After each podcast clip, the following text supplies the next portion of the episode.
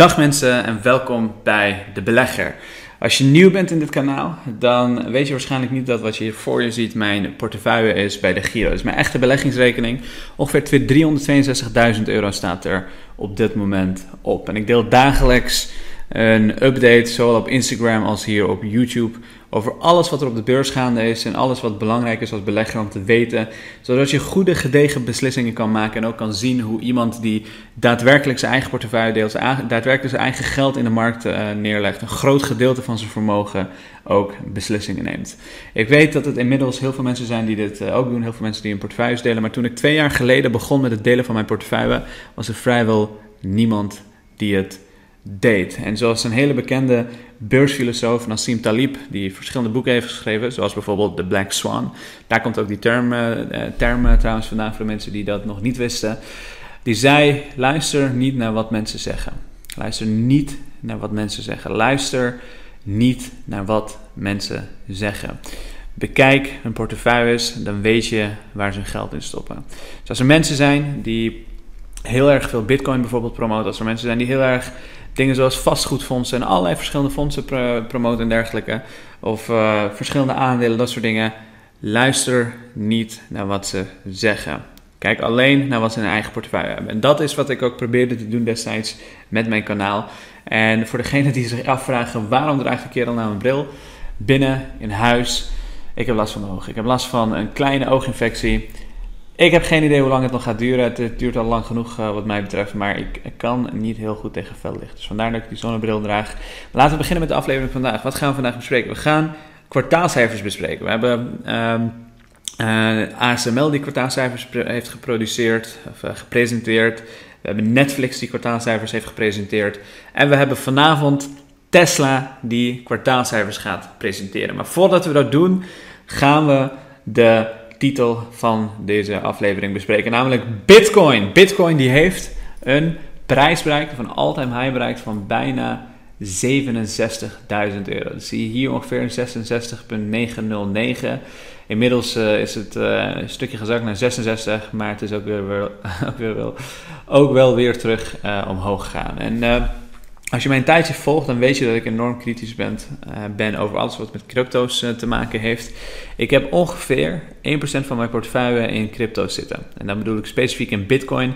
Ik had hier ongeveer bij 30.000 had ik uh, eh, 0,1 bitcoin gekocht. Die heb ik nog steeds, die 6.000 waard inmiddels.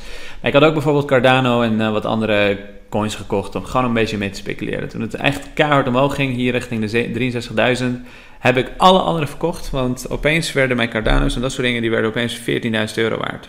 15.000 euro geloof ik zelfs. Dus ik dacht, ja, ik geloof toch niet zo heel veel in uh, al, die, uh, al, die, al die onzin, laat ik het zo zeggen. Ik heb een, letterlijk alles verkocht behalve 0,1 bitcoin. Dat, dat heb ik nog steeds. Die 6000 dollar zit nog steeds in mijn portefeuille. En de reden dat ik het bezit is, ook al ben ik sceptisch, ook al geloof ik er volledig niet in, ik ben er serieus van overtuigd dat je als belegger altijd jezelf moet beschermen tegen je eigen onwetendheid. Als je iets niet weet, of als je iets niet zeker weet, of als je denkt dat je het mis kan hebben, dan moet je ook daadwerkelijk daar uh, iets aan doen. En dat is precies wat ik heb gedaan door 0,1 bitcoin te kopen. Dus als bitcoin straks naar 500k per stuk gaat, dan heb ik in ieder geval een gedeelte meegepakt en hoef ik niet te gaan huilen. uh, gefeliciteerd aan iedereen die um, uh, massaal in Bitcoin zit. Uh, Bitcoin heeft dit al een aantal keer in het verleden gedaan. Je ziet het hier bijvoorbeeld een grote piek in 2017 naar ruim 20.000 euro. Het heeft ongeveer vier jaar geduurd om terug naar die 20.000 euro te gaan. Dus het kan hem best een. we zitten nu ook op een all-time high. Het kan best, best, best zelfs weer uit gaan pakken. Alhoewel, die kans is denk ik wel kleiner, omdat er veel institutioneel uh, interesse zit in Bitcoin nu ook. Uh, vroeger was dat vooral mensen die, nou, zoals jij en ik, individuele beleggers die in Bitcoin geïnteresseerd waren. Maar inmiddels ook veel meer instituties. Dus interessant hoe dat zich gaat ontwikkelen. Um, als we kijken naar de tweede keer, dat is ongeveer in 2019, begin 2019, ging Bitcoin weer naar 11.000. Duurde ook weer ongeveer ja, anderhalf jaar totdat het weer naar 11.000 ging. Dus al die all-time highs zijn fantastisch, maar wees gewaarschuwd jongens. Het kan zomaar zijn dat het een langdurige um, heel lang duurt voordat het weer op dezelfde hoogte komt. Tegelijkertijd zijn er ook heel veel mensen die bol zijn van Bitcoin, die echt heel erg in Bitcoin geloven. En die zien alleen maar voorspoed, die zien alleen maar mooie dingen, die, denken dat de Bitcoin morgen nog naar 500k gaat of iets dergelijks. Ik denk dat die kans heel erg klein is. Maar als het, als het gebeurt, dan heb ik in ieder geval een klein gedeelte van mijn portefeuille erin. Als je wil dat ik een iets uitgebreider video over Bitcoin maak, waarin ik bijvoorbeeld ook meeneem wat ik vind van mensen zoals Willem Middelkoop of Arno Wellens, dat soort figuren of dat soort mensen die heel erg veel content maken de afgelopen tijd, heel erg veel views ook krijgen op die content. Um, laat me dan even in de comments weten. Laat me weten of je dat zou willen, of je daar geïnteresseerd in bent. Dan maak ik daar ook binnenkort een video over. Maar ik ben sceptisch nog steeds over Bitcoin. Uh, maar het is wel fantastisch om te zien voor mensen die daadwerkelijk hun geld in hebben belegd. Er zijn heel veel mensen binnen de community die bijvoorbeeld daar geld in hebben belegd. We hebben het gehoord bij de Crypto Masterclasses. Philippe, die heeft ons vaak verteld wat hij zelf ervan uh, vindt en waarom hij waarde ziet in Bitcoin. Een hele, hele masterclass hebben we het erover gehad waarom er daadwerkelijk waarde zit in Bitcoin. Dus er zijn mensen die daar, daar daadwerkelijk ook echt heel erg in uh, geloven. En aan die mensen gefeliciteerd. Tof om te zien. En naar mijn mening wat uh, dit vooral heeft, uh, nou, wat dit vooral drijft, is die ETF. Er is een nieuw Bitcoin ETF voor de mensen die het niet weten, die de futures van Bitcoin trackt. En daarmee geeft de SEC eigenlijk een beetje een signaal af van beleggers van hey, wij gaan het niet verbieden, wij gaan geen um, rare dingen doen hiermee, maar we willen wel dat het gewoon veilig gebeurt. En er is gewoon heel veel, ja, heel veel wat nog moet gaan gebeuren, willen we veilig in bitcoins kunnen handelen de, in, in de komende jaren. En dat is wat de uh, eh, nu heeft gedaan. Die heeft uh, bitcoin een veilige plek gegeven waarvan ze zeggen, zolang dit veilig gebeurt, zolang mensen niet al te veel last ervan hebben, zolang mensen niet heel veel geld eraan kwijtraken, omdat het niet uh, veilig genoeg is voor vooral jongeren die daar beschermd in moeten worden, Geef het een plek, laat het lekker zijn ding doen. En dat is wat ze nu hebben gedaan met die, eh, met die uh, Bitcoin Futures ETF. Dus dat is fijn om te zien, want er, is door, er wordt in heel veel mensen een soort tegenstelling gecreëerd dat het een revolutie is tegen de banken en tegen de SEC en tegen de grote macht en orde. noem het maar op. Nou, die macht, dat is, dat, dat, dat is vrijwel verzonnen, laat ik het zo zeggen. Maar goed, als jij het niet met mij eens bent, laat in de comments achter en dan ga ik het een keertje behandelen. Laten we even uh, overgaan tot de orde van de dag. Um, de markt die is een beetje aan het uitvogelen wat het eigenlijk moet doen. Geen idee. In Europa uh, zie je lichte plusjes, lichte minnetjes hier en daar. Um, de UK staat bijvoorbeeld in de min. Uh, de AEX heeft ook een record te pakken. Staat ook op, uh, heeft ook de allerhoogste stand ooit eigenlijk op 808 stond hij op een gegeven moment. En dat heeft niets te maken met ASML, die vandaag kwartaalcijfers heeft geproduceerd, want die stond min 3,79.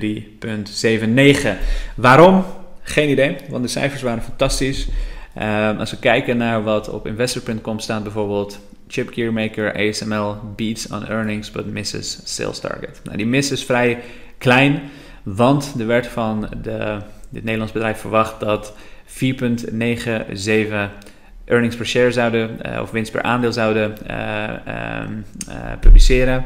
En een, nee, 4,61 werd er verwacht en 6,19 miljard aan omzet. Ze hebben 6,1 miljard gehaald, dus die 90 miljoen is wat ze bedoelen met de mis. En ze hebben een veel hogere winst per aandeel geboekt. Maar als je kijkt naar de koers van ASML de afgelopen tijd is het flink hard gestegen. Dus het kan zijn dat heel veel mensen denken van nou, ASML fantastisch, heeft precies naar verwachting ongeveer eh, gepresteerd. Niet een enorm hoge um, uh, verrassing of iets dergelijks. Um, als je kijkt naar de koers-winstverhoudingen, staat het ongeveer bijna op 60 per uh, 60 koers-winstverhouding.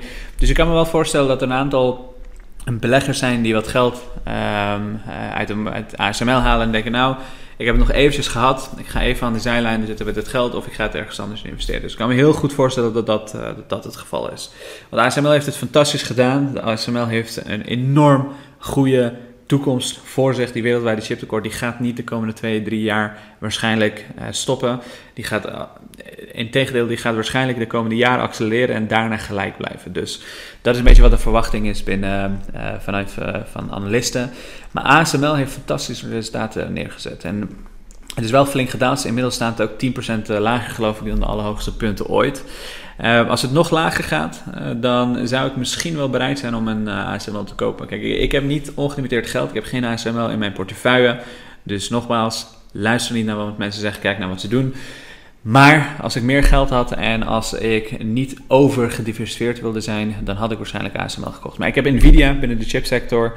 Daar geloof ik nog veel meer en die groei is gigantisch hoger. En die zitten in veel meer markten die bij mij, persoonlijk bij mijn eigen voorkeur en bij mijn eigen kennis past. Maar goed, ASML heeft het fantastisch gedaan. Dat is mooi om te zien, fantastisch om te zien.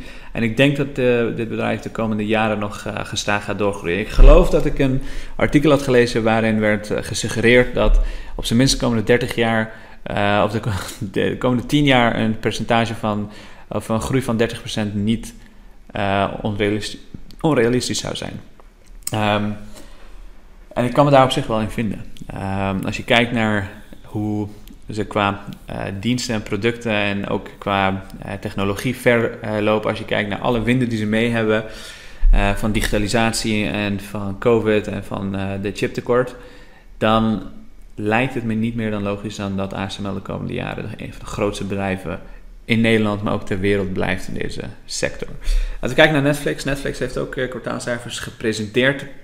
Um, Netflix shares were down slightly after the bell. Zijn wel een stukje naar beneden gegaan. Ongeveer 1% geloof ik de laatste keer dat ik keek. De quarter subscribers growth of 4.4 miljoen was een solid beat. Er werd 3.8 miljoen verwacht aan nieuwe subscribers. Dat is een beetje de graadmeter van Netflix. Zoals je weet, ieder bedrijf heeft een ander type graadmeter of ander iets waar ze op gemeten worden vaak. Het is niet altijd omzet en winst. Um, in geval van Netflix is dat subscriber growth. Dat is een van de belangrijkste graadmeters. Die was vorig kwartaal wat minder. Nu was het stukken meer, 4,4 miljoen. En het interessante is, als je hier verder in gaat duiken, dat heb ik gedaan daarnet. Um, dan zie je dat, er, dat, dat ze in de VS eigenlijk geen, bijna geen uh, subscriber growth hebben gehad. Het is alleen maar uit Europa en Azië gekomen. Dat is, dat is wel interessant om te zien. En je zou kunnen zeggen dat in uh, de VS waarschijnlijk de piek van het aantal subscribers al bereikt hebben. En dat zelfs met een uh, geweldige nieuwe serie zoals Squid Game. Ik weet niet of je hem gezien hebt. Heel tof om te kijken. Ik heb hem zelf wel gezien. Super eng. Ik ga niks verklappen.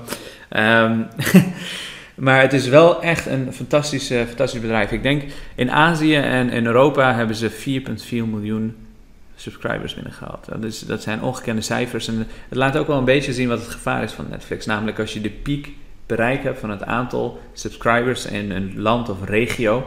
Dan is de enige manier, omdat dit je enige eh, businessmodel is, om prijzen te laten stijgen. En die prijzen die hebben ze ook daadwerkelijk laten stijgen. Ze hebben laten zien dat mensen toch blijven ongeacht wat uh, ja, 2, 3, 4, 5, 6, 7 procent uh, stijging in prijs. Dus ze hebben ook daadwerkelijk pricing power laten zien.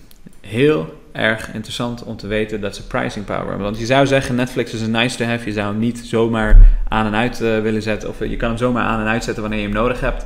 Maar toch doen mensen dat niet als de prijzen omhoog gaan. En dat heeft puur en simpel te maken met merk. Met goede content, waar dat mensen het gave, gave content vinden waar ze continu naar terug willen. En dan maakt het niet uit welke prijs Netflix ervoor vraagt. Tenzij het echt heel gek wordt, maar zolang mensen het kunnen betalen, dan uh, doen ze dat dus blijkbaar ook. Earnings per share 3,9 tegenover 2,56 verwacht. Dat is best wel een hele dikke beat.